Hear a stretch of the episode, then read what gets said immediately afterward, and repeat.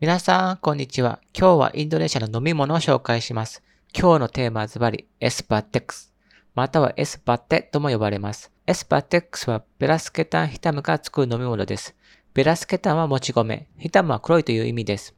この beras ketan hitam を発酵させて作る飲み物がエスパテックスなんですね。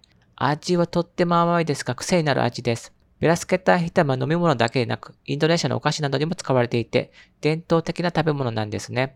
値段はグラスで日本円で20円ぐらいになります。健康にもいいと言われていて、シニア世代にはまだまだ人気のある飲み物なんですね。皆さんも一度お試しください。ご視聴ありがとうございます。それではまた明日。